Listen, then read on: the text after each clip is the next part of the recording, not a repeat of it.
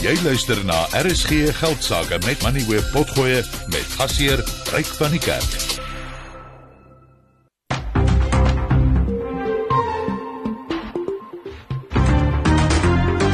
Jy luister na RSG Geldsaake met Ryk van die Kerk. Jou betroubare bron vir sake en beleggingsinsigte. Goeienaand en hartlik welkom by vanaand se program. Nou die groot nuus van die dag was dat die Suid-Afrikaanse Inkomste Diens vir Sasfin Bank vir 5 miljard rand gedagvaar het en dit is vir belasting wat Sasfin Sasfin nie eers vir die gaarder skuld nie.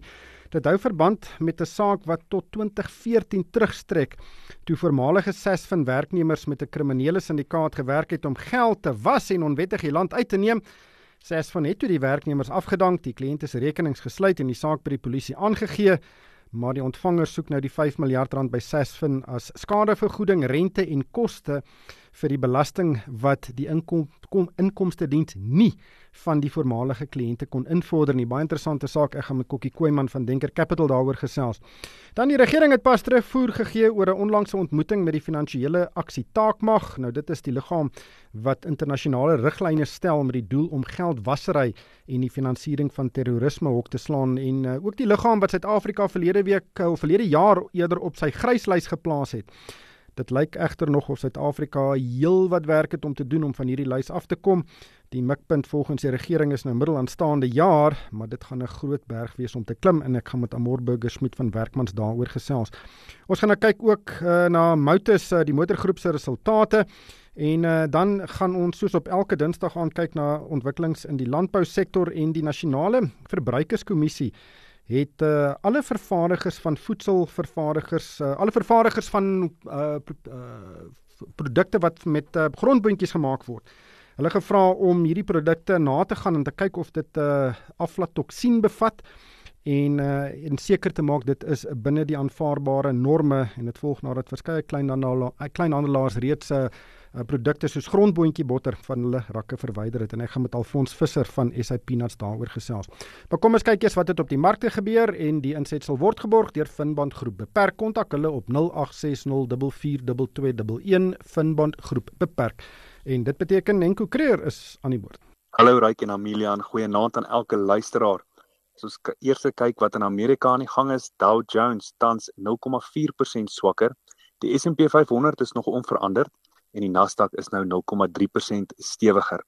Europese beurse het in die groen gesluit met die FTSE 100 0,1% hoër, die Duitse DAX 0,7% stewiger en die CAC 40 0,3% stewiger.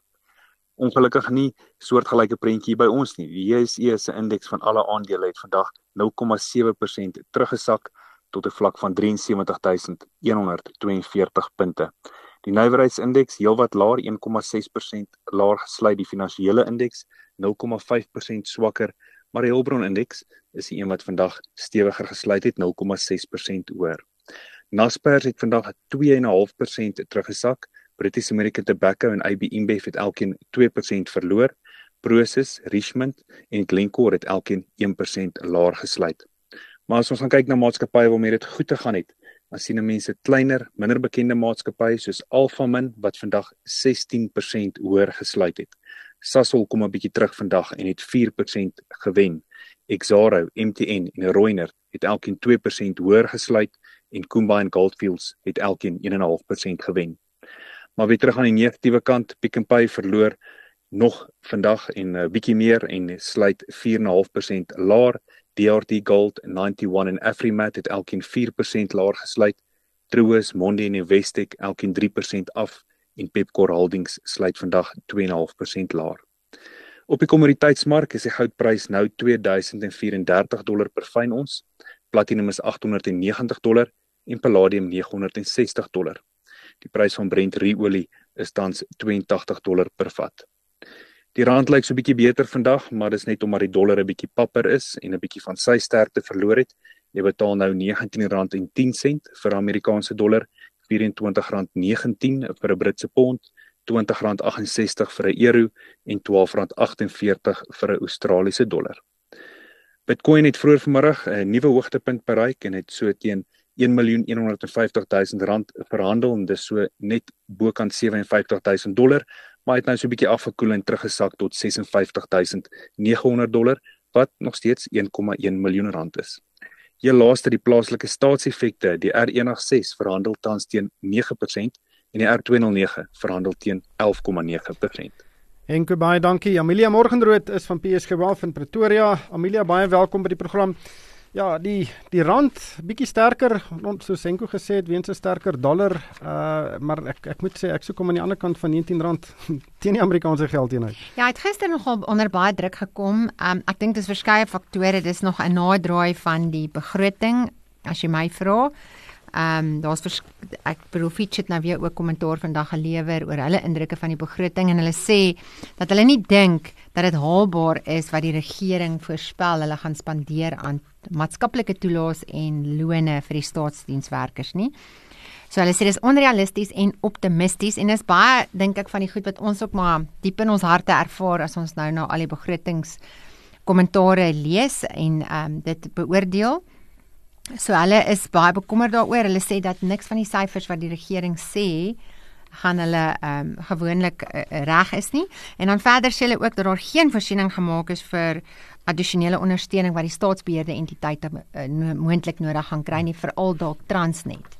So hulle sê in ons begroting is daar geen voorsiening vir dit gemaak nie en ons weet elke nou en dan kry ons so 'n bommetjie wat op ons val van een van die staatsbeheerde entiteite. Ek was een van die ehm um, individue wat nogal kritiek uitgespreek het en gesê het luister Transnet is so 'n sleutelmaatskappy hmm. in Suid-Afrika, hy moet daar gaan geld na hom toe moet vloei, maar ek sien met die herstrukturering van hulle skuld, is daar verligting op hulle kontantvloei. En uh, sal uh, Transnet het self gesê luister vir die korttermyn ten minste gaan ons nie dit nodig hê nie. So en en die ander ding wat ek gehoor het is dat die manier hoe die daai 150 miljard rand wat die uit onttrek word nou uit die buitelandse valuta um, reserves. Reserve, die sien dit gaan nie die, die wins op die reserves. dit gaan nie dit, dit gaan nie ehm um, na die regering toe vloei deur buitelandse valuta te verkoop nie. Dit gaan gefinansier word deur die ehm um, deur 'n las op die reservebank se balans staat. So dit word intern gefinansier. Hulle gaan nie van die buitelandse uh, valuta hoef te verkoop nie. En en dit het ook ek dink dit waar was 'n afwagting dat dit sou gebeur en dan sou die rand verstewig het. Ja, dit is alles moontlik, maar wat ons nou gesien het vandag reik is dat die rand nogal redelik skerper gedraai het na ehm um, gister se swakker vlakke is hy nader na 19 toe en dit lyk of hy op 'n bietjie momentum het en moontlik bietjie sterker kan gaan. Ja, so ek dink as al die ehm um, as die as die as die gemoedere net weer bietjie kalmeer en alles net rustiger raak en dinge weer, weer dalk ja. ehm ja. um, ehm um, as as as almal nou sien dat die er, dat dit nou nie die einde van die wêreld is wat gebeur nie, dan kan die rand dalk bietjie sterker gaan. Ek dink hy is redelik ondergewaardeer. Ek ek het gisteraan met Fleetwood Grobler van Sasol gesels. Mm. Ek het hom gevra, "Hoekom dink jy as julle aandeleprys so laag?" Hy het basies gesê, "Ek hy dink nie die mark verstaan presies wat hulle besig is om in die engine kamer van Sasol te doen nie." En dat daar baie meer positief uh, positiewe nuus op die horison is as wat mense dink en die aandeleprys vandag 4% op. Miskien het uh, beleggers RSG geldsaake gisterand geluister. Ja, en miskien het hy nou gedraai ryk want ehm um, as jy nou 10 jaar gelede die aandeel gekoop het, um, het jy meer as R500 'n aandeel betaal. So jy is omtrent 75% af. Ek onthou my vormingsjare het my gerekende kollegas altyd gepraat van koning Sasol. Nou dis iets wat 'n mens vir baie jare nou nie gehoor het nie.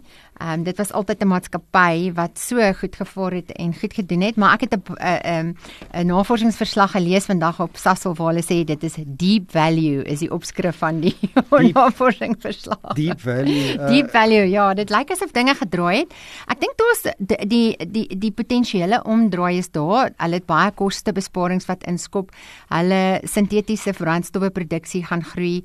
Ehm um, die gas storie word uitgesorteer. Daar's 'n heelwat ehm um, vraag en herstel van chemikalieë ehm um, en dan ook hulle kapitaal ehm um, spandering is definitief ondersteunend van 'n moontlikheid dat daar waarde in die aandeel is. Hulle gaan 'n klomp geld moet bestee om die vrystelling van kweekhuisgasse te beperk en ek praat hier van miljarde en miljarde ja. en miljarde ehm um, rande wat uh 10 teen 1 nie so gekoppel gaan wees aan aan inkomste nie. Dit is ek dink een van die vrae wat hang oor Sasol en ek sien die die prysverdienste van eh, verhouding op die oomblik is 3,2 3,3 uh, keer. Ja, dis baie basies dis dis basies niks. Dis basies jy kry omtrent uh, jy jy jy, jy betaal omtrent niks vir die maatskappy nie. Ryk is baie baie goedkoop. So ek dink alles wat jy daar genoem het van die potensiële uitgawes wat hulle gaan hê rondom die ehm um, emissies van van van ehm um, hulle operasies. Ek dink dit is ingeprys in die aandeel. So ek dink daar's definitief baie potensiaal vir die aandeleprys om te draai verseker soos dit op die skerm vir my lyk is dit verseker ingeprys. Die insetsel is geborg deur Finband Groep. Beperk kontak hulle op 0860442211 Finband Groep beperk. Standvastigheid konsekwentheid en betroubaarheid, kwaliteite wat in hierdie onbestendige tye skaars en van onskatbare waarde is. Finbond Groep Beperk is 'n bewese bondgenoot sedert 2003 met nagenoeg 600 internasionale takke en 'n indrukwekkende baanrekord van gewaarborgde opbrengste op beleggings. Verdien 11% nominale rente per jaar op 'n 5-jaar termynbelegging van 1 miljoen rand of meer. Geen inisiasie of administrasie fooie word gehef nie en rente kan uitbetaal of gekapitaliseer word. SMS RSG na 30635 of e-pos deposito by finbond.co.za. Vir die belangrikste sake nuus skakel in op RSG Geldsaake. Die Motorsgroep is een van die grootste spelers in die plaaslike motorbedryf en verkoop een nuwe voertuig vir elke 5 wat in die land verkoop word. Nou, dit is in 2018 uit Imperial ontknoop en dit bedryf vandag bykans 500 motorhandelaars in Suid-Afrika, Brittanje en Australië en uh, dit verkoop uh, voertuie van 'n groot verskeidenheid motorvervaardigers. Die groep het sowat 350 handelaars in Suid-Afrika, 110 in Brittanje en 40 in Australië. Die groep besit ook die verhuuringsmaatskappye Europecar en Tempest, terwyl dit ook baie onderdele uh, verkoop en ook 'n uh, groot vlootbestuursdienste afdeling het. Die groep het resultate aangekondig vir die laaste 6 maande van verlede jaar. Die omset was 11% hoër op 57 miljard rand. Die wesensverdienste was 26% laer op 1,1 miljard rand. Die direksie het 'n tussentydse dividend van R2.35 per aandeel verklaar en dis heelwat laer as die R3 per aandeel van verlede jaar. Okkert Jansen van Rensburg is op die lyn. Hy is die finansiële hoof van Motus. Okkert, baie welkom by die program. Ons weet verbruikers en ondernemings in Suid-Afrika is onder geweldige druk. Ehm um, En maar hoe het julle Suid-Afrikaanse besigheid gevaar relatief tot julle besighede in Australië en Brittanje? Goeienaand uh, Ryk en goeienaand aan die uh, luisteraars. Ehm um, ja, dit is uh, interessant om natuurlik na al hierdie verskillende markte die hele tyd te kyk en te sien die verskillende dinamika tussen hulle. En uh, ongelukkig moet ek vir jou sê as jy na die tellbord kyk, is Suid-Afrika nie tans in in die voorloperbaan nie.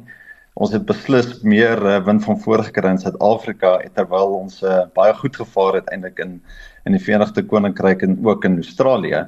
En dit was uh, een van een van die uh, belangrikste geselsies wat ons seker vandag gehad het met analiste was rondom die die feit dat ons nou uh meer as uh, 34% van ons van ons bedryfswins kom eintlik nou van uh, van in ons internasionale besighede terwyl dit maar omtrent seker net so 8% was toe ons ont, ontknoop het daai tyd uit Imperial uit wat eintlik maar net so 5 jaar gelede was. So dit wys jou hierdie dinamika baie verander het. Ons het ook natuurlik heelwat uh kapitaal gespandeer in internasionale besighede, maar uh, baie interessant dat dat die uh, markte so baie gedraai het. Ja, ek het ook na daai uh, voorlegging gekyk wat julle gemaak het. Ehm um, en dit is baie duidelik dat daar 'n fokus is om die omset en ook die winste uit die buiteland aggressief te groei. Ehm um, die syfer wat ek hier het is dat in 2022 het julle net 20% van julle bedryfswins in die buiteland verdien en nou is dit soos jy gesê het basies 35% um, en dit lyk asof dit uh, inpas by by julle strategie. So wat is die plan met die buitelandse besighede? Is dit waar julle fokus nou lê om uit te brei en te diversifiseer? Ja, ek dink eh, motors was nog altyd 'n baie groot uh kontant genereerder en jy moet besluit waantoe jy natuurlik die kapitaal éventueel gaan gaan allokeer. Ehm um, wat wat daar's in die laaste jaar was daar omtrent drie belangrike dinge waarop ons moes fokus. Een was om net hierdie voorraad uh, beskikbaarheid siklus wat bestuur moes word. Ek dink toe ons laas gesels het was dit baie duidelik dat jy weet die die voorraad het het baie beweeg van omtrent geen voertuie net tot verskriklik baie.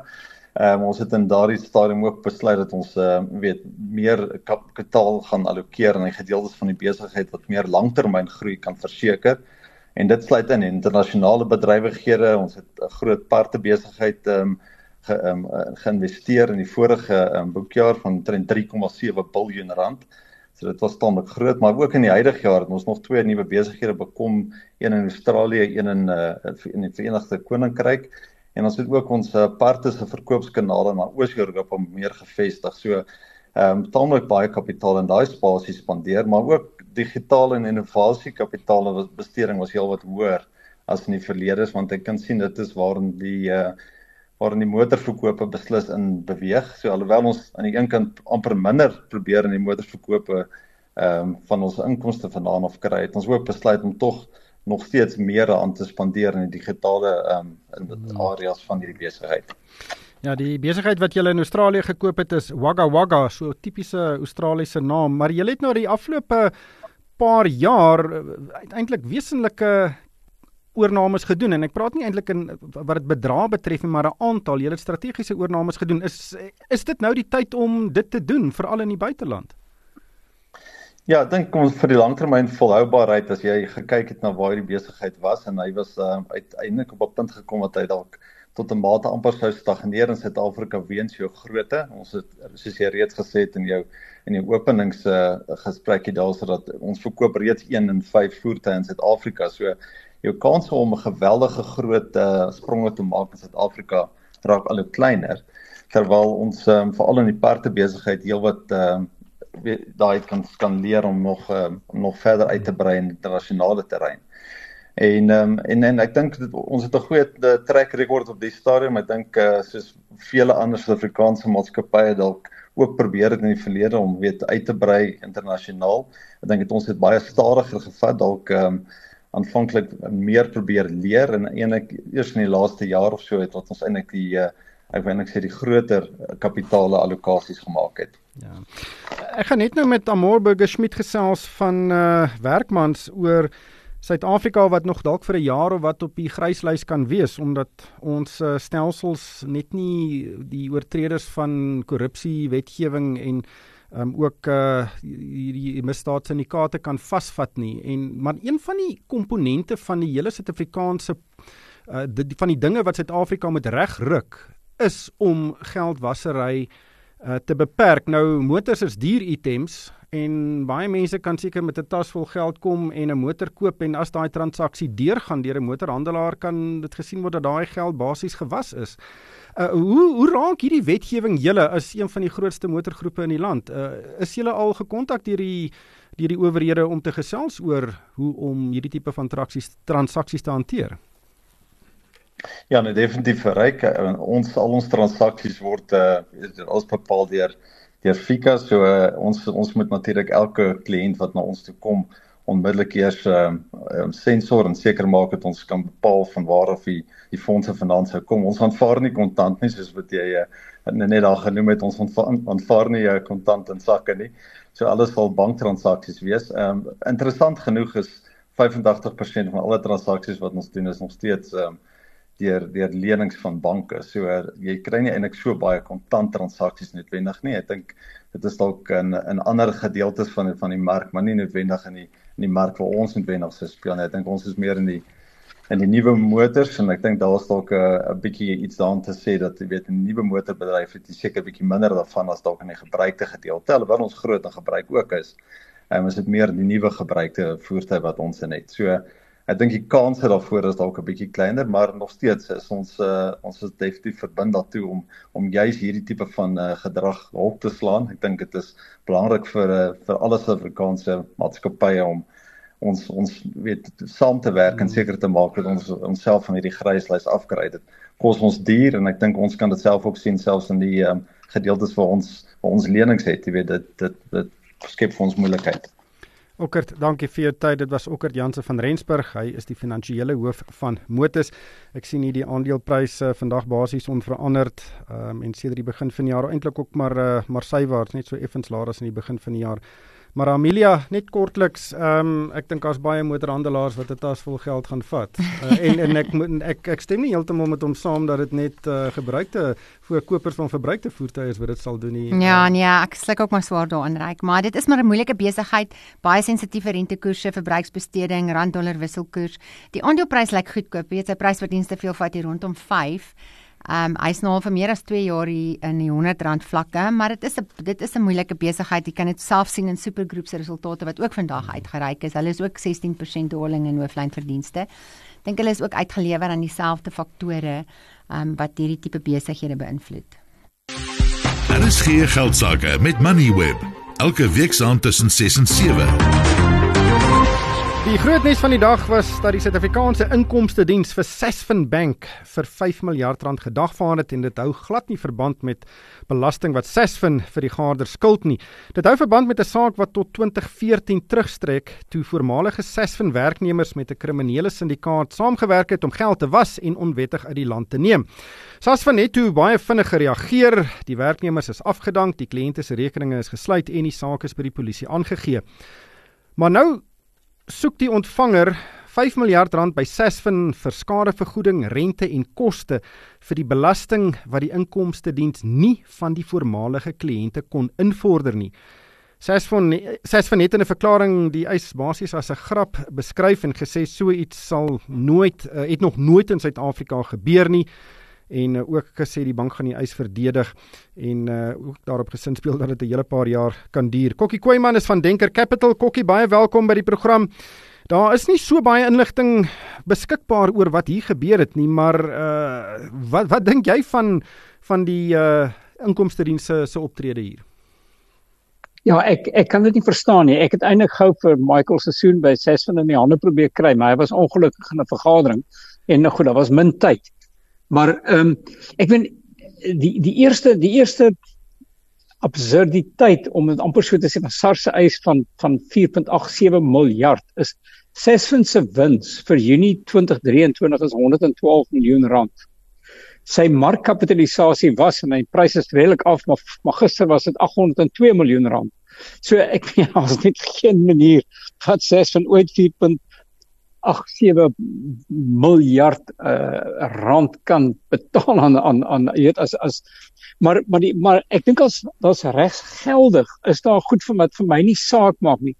So die die eerste vraag is het 'n bank of enige finansiële instelling 'n verpligting om op die hoogte te wees van sy kliënte se belastingpligtigheid of of hy sy belasting betaal of nie want dit is eintlik wat SARS in insinieer dat Sesson moes geweet het die ouens betaal nie belasting nie en dat hy gebruik Sesson met ander woorde amper as 'n agent om namens SARS belasting te monitor of in te vorder en nou het Sesson dit volgens SARS nou nie gedoen nie en nou word Sesson aanspreeklik gehou vir die bedrag. Ek meen dit maak vir my nie sin uit nie.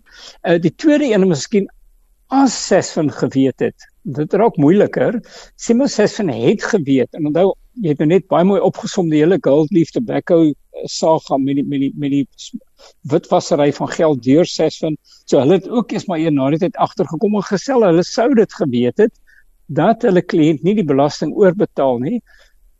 Het hulle dan die reg om van 'n kliënt se geld te vries en te sê maar ek hou hierdie terug vir SARS? Ek ek weet nie jy sal 'n regskundig moet inkry. Ek het probeer uitvind nou, maar daar was net nie genoeg tyd nie, maar ek dink wel ek stem saam met met ses van uh, wat hulle sover gesê dat dat ehm um, SARS oorgryp in terme van regsgeldigheid. Ehm um, want anders is daar 'n beginsel hier vir alle finansiële instellings en in enige iemand of selfs net 'n finansiële 'n makelaar wat geld oorbetaal aan 'n kliënt wat dan eers moet seker maak dat skuld hierdie ou miskien geld aan SARS of nie. Ja, ek dink dit is die dis wat eh uh, Sasfin Michael Sasfin wou oor uh, die die boodskap wat hulle wil oordra aan aan die verklaring ook dat hierdie is dis dit is eintlik 'n belaglike aansoek, maar nog steeds die inkomste diens sê dit die moeite gedoen om 'n saak saam te stel en in te dien um, en en dit teen Sasfin in te stel. So weet elke ek is nou al lank genoeg in die bedryf. Daar's gewoonlik twee of drie kante tot 'n storie en dan sê die ja, waarheid ja. ook nogal iewers. Maar het jy al ooit so iets gesien iewers anders in die wêreld?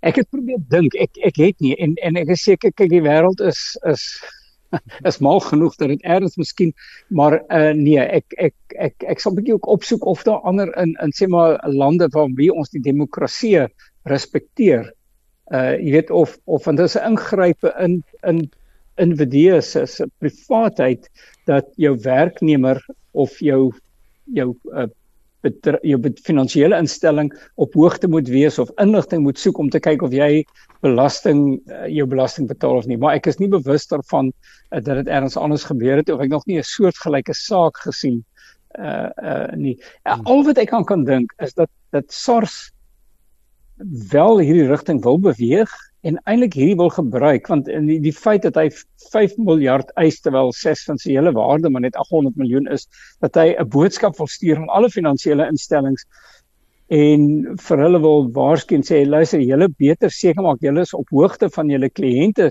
se belastingsaake uh want anders gaan ek vir julle jy weet ook dagvaar. Ek weet nie dit is al wat ek kan kon dink hoekom het hulle nou hierdie saak terwyl hulle jy weet net miskien om die saak in die hof die uitgelig te kry en 'n antwoord te kry dat hulle hulle moet redelik sterk voel daaroor.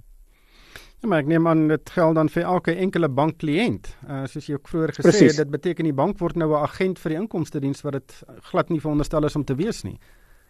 Nee, nee, presies. Dit, dit is die saak wat ek nie kan verstaan dat hy dit SARS wel nou insinieer of of of intimideer amper om te sê maar jy moet so hoog te wees want anders gaan ek weet by jou invorder of eis wat jy nie wat die kliënt nie betaal het nie. Ek dit kan vir my net nie regsgeldig wees nie. Ja, ek gaan uh, maar, ons gaan kyk of ek eh, 'n uh, prokureur op die program kan kry. Ek het uh, vir Sesvin gevra. Ehm um, hulle wou nie aan die program deelneem nie. Mens kan dit verstaan. Ehm um, maar uh, ons sal hierdie saak verder dophou. Kokkie, dankie vir jou tyd. Dit was Kokkie Koeman. Hy is van Denker Capital. Amelia, ek sien Kokkie het nou verwys na Sasfin se markwaarde van onder mm. um, 800 miljoen, dit is eintlik onder 700 miljoen op die oomblik 694 die aandelepryse het vandag met 7% geval hoewel die volume maar laag was. Ja, dit kyk, dit kan nou vir Sasfin baie besig hou. So so tipe of so. Al hierdie gaan hulle toemaak as dit Ja, en maar maar selfs al is dit nie suksesvol nie, Ryk. Ek bedoel jy is betrokke hier in 'n hofgeding wat jou 'n klomp geld kos. Dis dis regsmense, dit is tyd, energie wat jy nie kan fokus op jou besigheid nie. Ek dink persoonlik miskien eh, probeer ehm um, SARS 'n voorbeeld van iemand maak. Ehm um, hulle wil kyk vir 'n baie lang tyd van ek nou al kan onthou seker al 15, 20 jaar is die onus op 'n finansiële instelling om seker te maak dat hulle kliënte ehm um, die geld wat by hulle belê word by die finansiële instelling dat daardie geld nie uit misdadigheid verdien is nie. So die onus is op ons om om om te probeer seker maak, maar ons kan nog steeds nie altyd doodseker wees nie. Ek bedoel, hoe kan ons weet? Dis die eerste keer in my lewe wat ek hoor dat jy moet seker maak of iemand hulle belasting betaal het. Daarvan weet ek niks nie. Maar ek dink soos ek sê, ek dink SARS wil 'n voorbeeld van van iemand probeer maak. Daar's baie mense of maatskappye wat hulle koppe wegdraai nie noodwendig aan misdaad deelneem nie, maar die voordele wat daaruit vloei wel graag benut. Um, dit is soos om 'n produk te koop wat jy weet jy vir jou heilige siel nie so goedkoop kan wees nie. En jou logika sê tog jou dit moet gesteel wees, maar jy verkies om jouself dom te hou. So ek dink daai beginsel wil SARS dalk afdwing op iemand. Er is geen geldsaake met Moneyweb, jou betroubare bron vir sake en beleggingsinsigte. Die Finansiële Aksietaagmag of die FATF is 'n liggaam wat internasionale riglyne stel met die doel om geldwasery en die finansiering van terrorisme in die wêreld hok te slaan. Die liggaam het Suid-Afrika in Februarie verlede jaar op sy sogenaamde gryslys geplaas omdat ons wetgewing, wetstoepassing en vervolgingsprosesse nie aan hierdie internasionale standaarde voldoen het nie. Die FATF het 22 probleme uitgewys waarvan die regering reeds 5 ten volle aangespreek het en die tesourier het die naweek gesê daar is reeds goeie vordering gemaak met 15 van die oorblywende 17 probleme. Van die vernaamste kwessies wat die regering reeds aangespreek het, is die verskerping van wetgewing wat dit makliker maak om te sien watter individue finansiëel voordeel uit maatskappye en trust trek en ook dat die onafhanklike direktoraat van die nasionale vervolgingsgesag nou heeltemal onafhanklik is. Die groot probleem bly egter die regering se onvermoë om mense suksesvol te ondersoek en vir korrupsie, bedrog en geldwasery te vervolg. Dit lyk nou of Suid-Afrika op die vroegste in Junie aanstaande jaar van die lys afgehaal kan word as ons natuurlik hierdie oorblywende probleme kan oplos. Amor Burger Schmidt is op die lyn sies van die prokureursgroep Werkmans. Amor, baie welkom by die program. Ons is vandag basies presies 'n jaar op die gryslys. Wat is jou indruk van die vordering wat ons in hierdie jaar gemaak het? Ja, ons het vordering gemaak en dit is interessant dat daar nou aan ons gesê word 15 addisionele items is daar nou goed vordering mee gemaak, maar ons weet nog nie regtig wat is daai stand van die vordering nie. En as ons nou kyk wat ons probeer adresseer het verlede jaar, dit is 'n baie lukraak benadering as mens daarna kyk wat in itself eintlik kommerwekkend moet wees, want jy kan nie net een stukkie wetgewing verander en dan verwag al die ander moet nog steeds in plek val en nog steeds met mekaar praat nie. En daaroor dink ek moet ons almal bekommerd wees dat daar nie 'n holistiese benadering so wil dit voorkom gevolg word nie wat groter probleme kan veroorsaak en dan na die RV saak soos ek en jy weet almal hardop konstitusionele hof toe.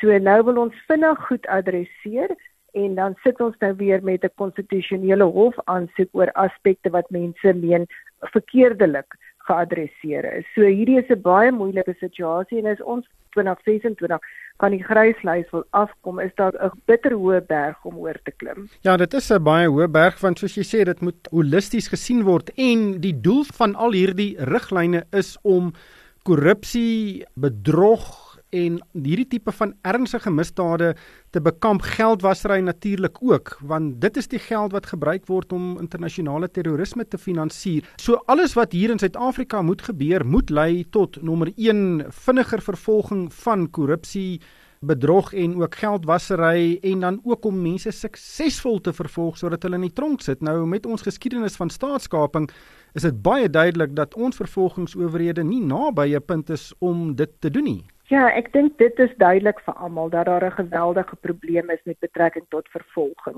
Wat skokkend is is dat sake van die rol verwyder word omrede die staat nie in 'n posisie is om voort te gaan nie en dit wil voorkom as daar 'n ongemaklike mis is tussen die polisie wat die aankleenthede moet ondersoek en dan die vervolgingsgesag wat ons telemate moet hoor dat die saak is nie reg om voort te gaan nie. Wat duidelik vir almal moet moeilik wees om te verstaan is, ons het hierdie elle lange sondekommissie agter ons waar daar enorme hoeveelheid inligting bymekaar getrek is en voorgelê word.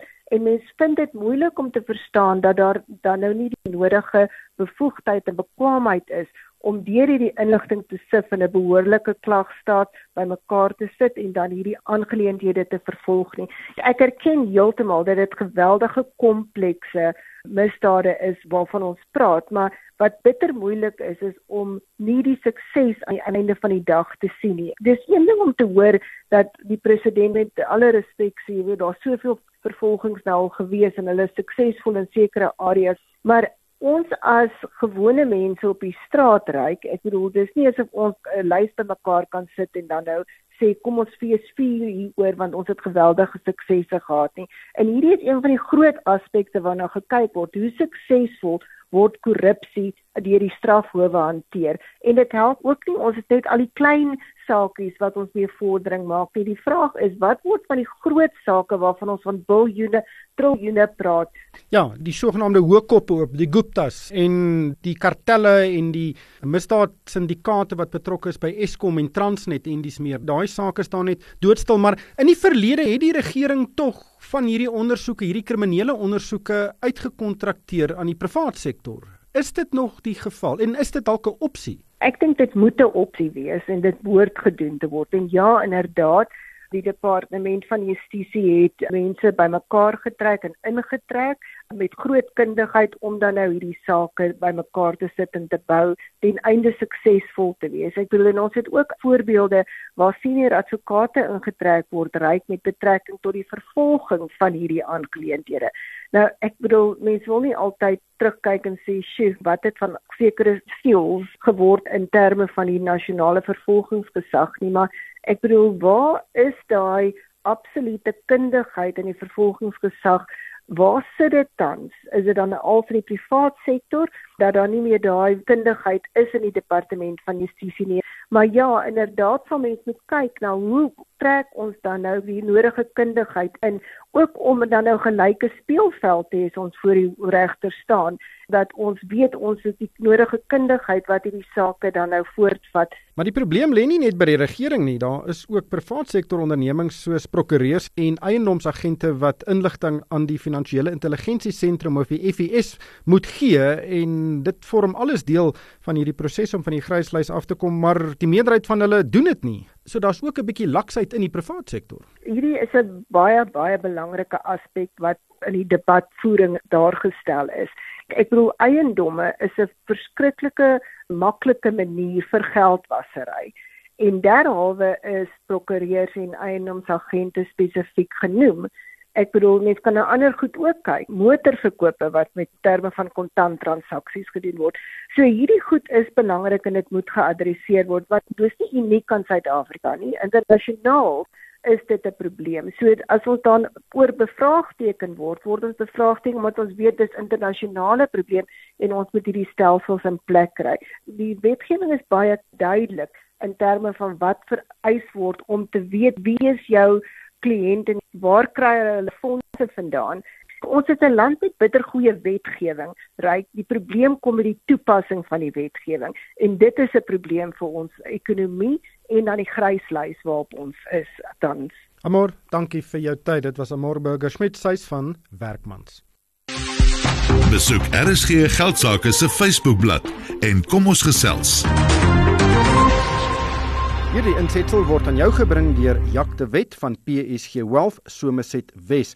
Ek het die afgelope naweek verskeie kritiese artikels gelees oor die vooruitsigte van Suid-Afrikaanse beleggingsmarkte. Nou daar is baie negativiteit in die land oor veral politieke onsekerhede, korrupsie en swak dienslewering wat sake beleggers en verbruikersvertroue tot laagtepunte afgedruk het. Daarby het die plaaslike aandelemark die afgelope dekade baie swakker as buitelandse markte vertoon en die onsekerhede en probleme in die land word as sleutelredes vir die swak prestasie voorgehou.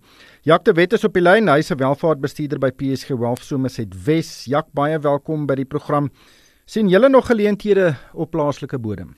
Ryk ja, ek weet as jy net gaan kyk, die Suid-Afrikaanse aandelemark word tans teen bitter lae waardasie veelvoudige prys en in sommige gevalle word maatskappye ek wil die woord gebruik akuut onderwaardeer relatief tot hulle vooruitsigte vir groei en natuurlik aandeelhouers opbrengs. Suid-Afrika se effekte opbrengste is byvoorbeeld naby aan 13% met een van die hoogste reële koerse wêreldwyd. Die rand was swak en het swakker gevaar as die geldeenhede van baie ander ontleikende markte. En soos jy nou genoem het, dis baie duidelik dat die plaaslike beleggingsomgewing glad nie sonder risiko's en beduidende gevare is nie en daarom is sorg en omsigtigheid nodig wanneer ons op tuisbodem belê. As ons wel ook kyk na die internasionale beleggingsprentjie, lyk dit ook maar of die donderwolke kolkol begin saamtrek. Om jou vraag te beantwoord, ryk, lyk dit vir ons of daar nou 'n baie baie oortuigende geleentheid bestaan om gesonde opbrengste op die Suid-Afrikaanse beleggingsmarkte te verdien en daarom gebruik ons die relatiewe swak prysomgewing wat nou heers om blootstelling aan Suid-Afrikaanse Suid-Afrikaanse sekuriteite in ons portefeuilles te verhoog. En kyk, risiko's sal altyd daar wees en risiko's maar net die prys wat jy betaal vir geleentheid. Jy het verwys na die swakker rand want as die rand verswak word Suid-Afrikaners armer in dollar terme en dis in 'n internasionale konteks. Hoe bekommerd moet ons daaroor wees? Dis 'n baie goeie punt. Ons moet egter kennis neem van die langtermyn Amerikaanse dollar siklus of tendense. En as ons kyk na die geskiedenis hiervan, kan ons natuurlik baie leer daaruit. Sedert die laat 1960s is die Amerikaanse dollar deur verskeie siklusse waarin dit nou of sterk of swak was. En hierdie siklusse reik het tipies etlike jare op 'n slag geduur. As ek kyk na die gemiddeld ongeveer so 10 jaar gemiddelde duur. En die siklusse het oor die algemeen saamgeval met groot inflasie en rentekoersiklusse ook. So die tydperke waarin die Amerikaanse dollar sterk is, bevoordeel gewoonlik Amerikaanse batepryse bo teen die res van die wêreld. En opkomende markte en kommoditeitsmarkte blyk veral sensitief te wees vir die sterkte of swakheid van die dollar.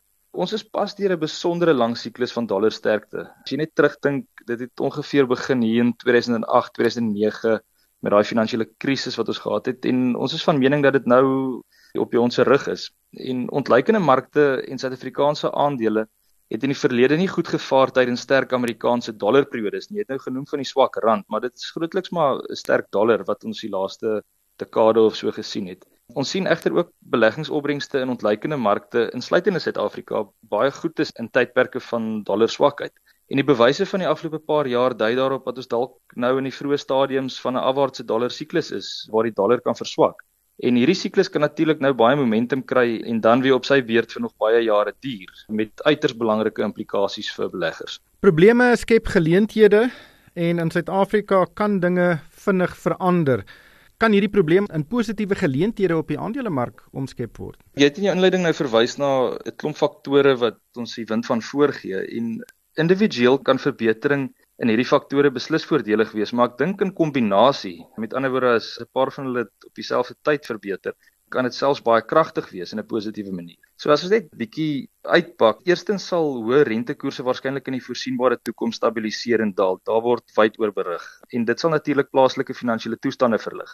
En die huidige rentekoersiklus was absolute wind van voor vir die Suid-Afrikaanse ekonomie en ook beleggingswaardasies. Ons het dit gesien soos die ekonomie, maatskappye en ook verbruikers moes aanpas by hierdie hoogste rentekoerse, kom ons sê die afgelope 15 jaar of so. Terwyl rentekoerse deur die Amerikaanse Federale Reserve of die Fed se beleid beïnvloed word, is ons eie inflasie op tuisbodem redelik goed onder beheer en ek dink ons Reservebank doen 'n uitmuntende jobie daarvan om inflasie in te onder beheer te hou. En ons dink daar's 'n goeie kans dat rentekoerse later vanjaar tot vroeg in 2025 kan begin daal.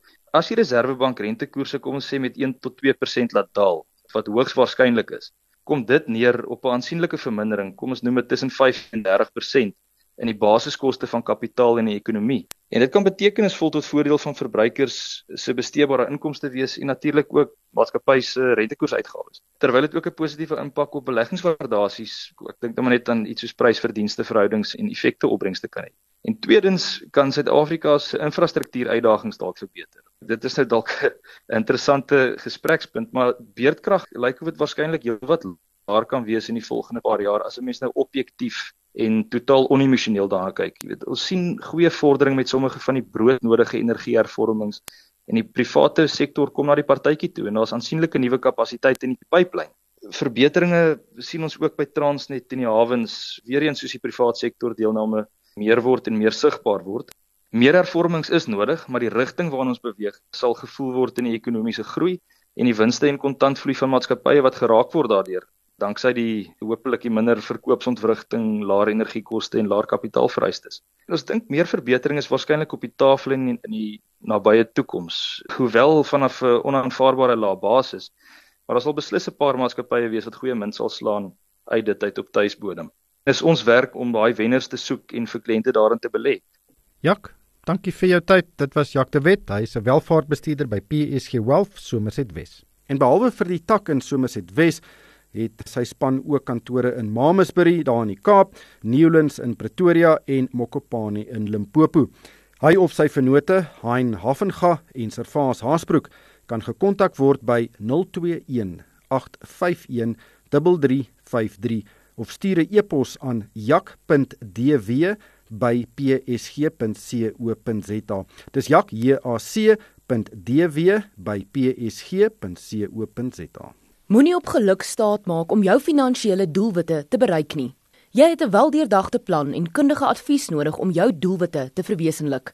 PSG Wolf se spankundiges sal elke aspek van jou lewe oorweeg en vir jou 'n nommerpasplan aanbeveel wat jou sal help om jou langtermyn doelwitte te bereik. Besoek www.psg.co.za vir meer inligting. Geaffilieerdes van die PSG Konsultgroep is gemagtigde finansiële diensverskaffers. Daar is geen geldsaake met Moneyweb. Elke week saand tussen 6 en 7.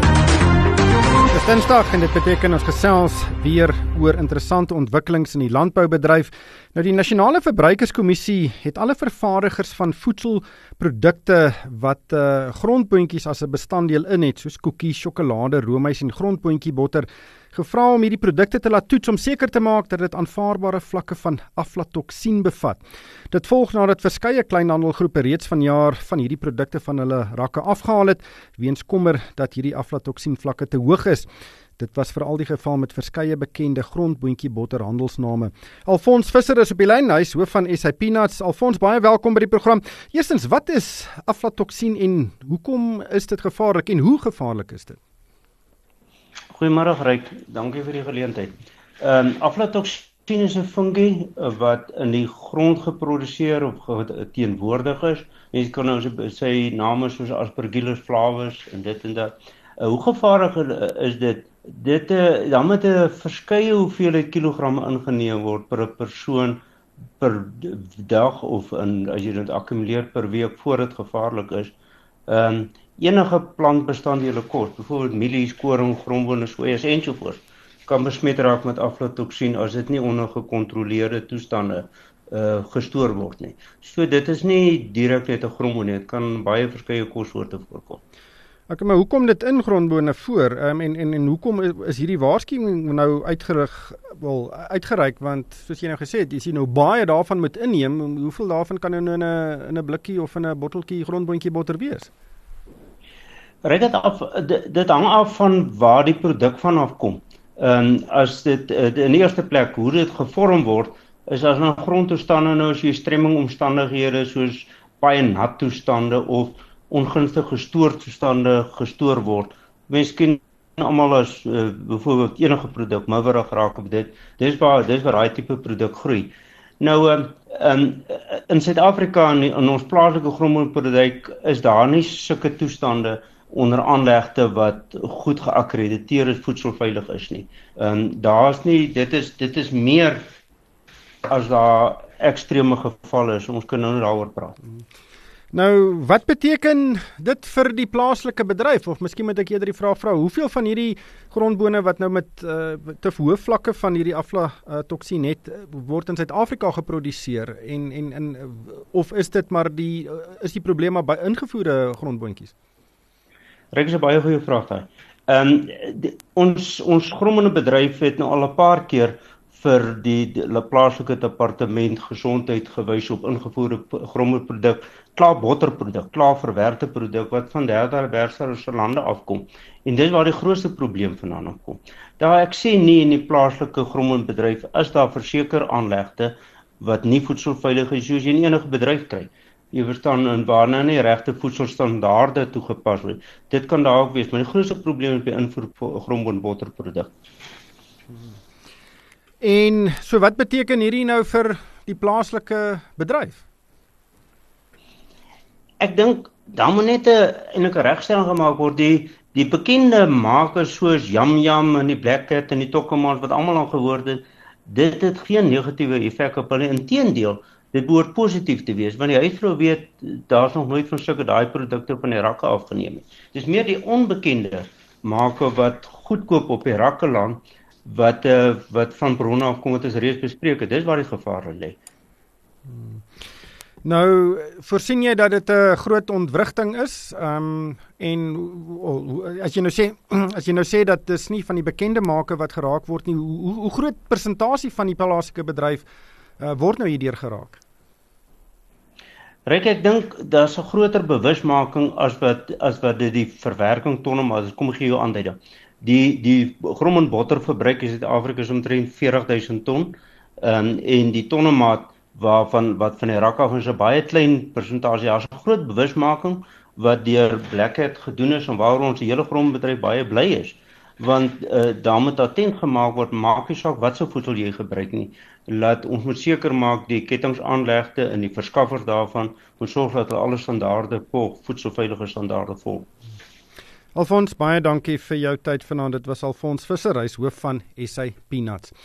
En daarmee het die tyd ons ingehaal. As ons net gou weer vinnig kyk na wat die markte op die oomblik doen, uh, die rand R19.10 teen die dollar, uh, R24.24 teen die pond en R20.73 teen die euro. En ek sien Bitcoin nog steeds bo 57000 dollar uh taamlike stewige loopie vandag so 7% hoër, Ethereum ook 3% hoër op 3241 dollar. Die JSE het vroeër met uh 2/3 van 'n persent teruggestak, teruggesak. Um en dit was uh weer veral um die uh, nywerheidsaandele wat seer gekry het. Nywerheidsindeks was 1,5% af. En daarmee gaan ons met Altroep en uh, dan uh, luisteraars is welkom om na Potgoe van vanaand se program te gaan luister of die onderhoude. Dit sal so 'n rukkie beskikbaar wees by moneyweb.co.za. En daarmee groet ons van Palesa Matlala, Pieter Botha en Kokreur en vir my ryk van die kerk. Dankie vir die saamluister. Jy het geluister na RSG Geldsaake met Moneyweb Potgoe elke weeksdag om 7 na middag. Vir meer Moneyweb potgoe, besoek moneyweb.co.za of laai die toepassing af en volg Moneyweb News om dagliks op hoogte te bly.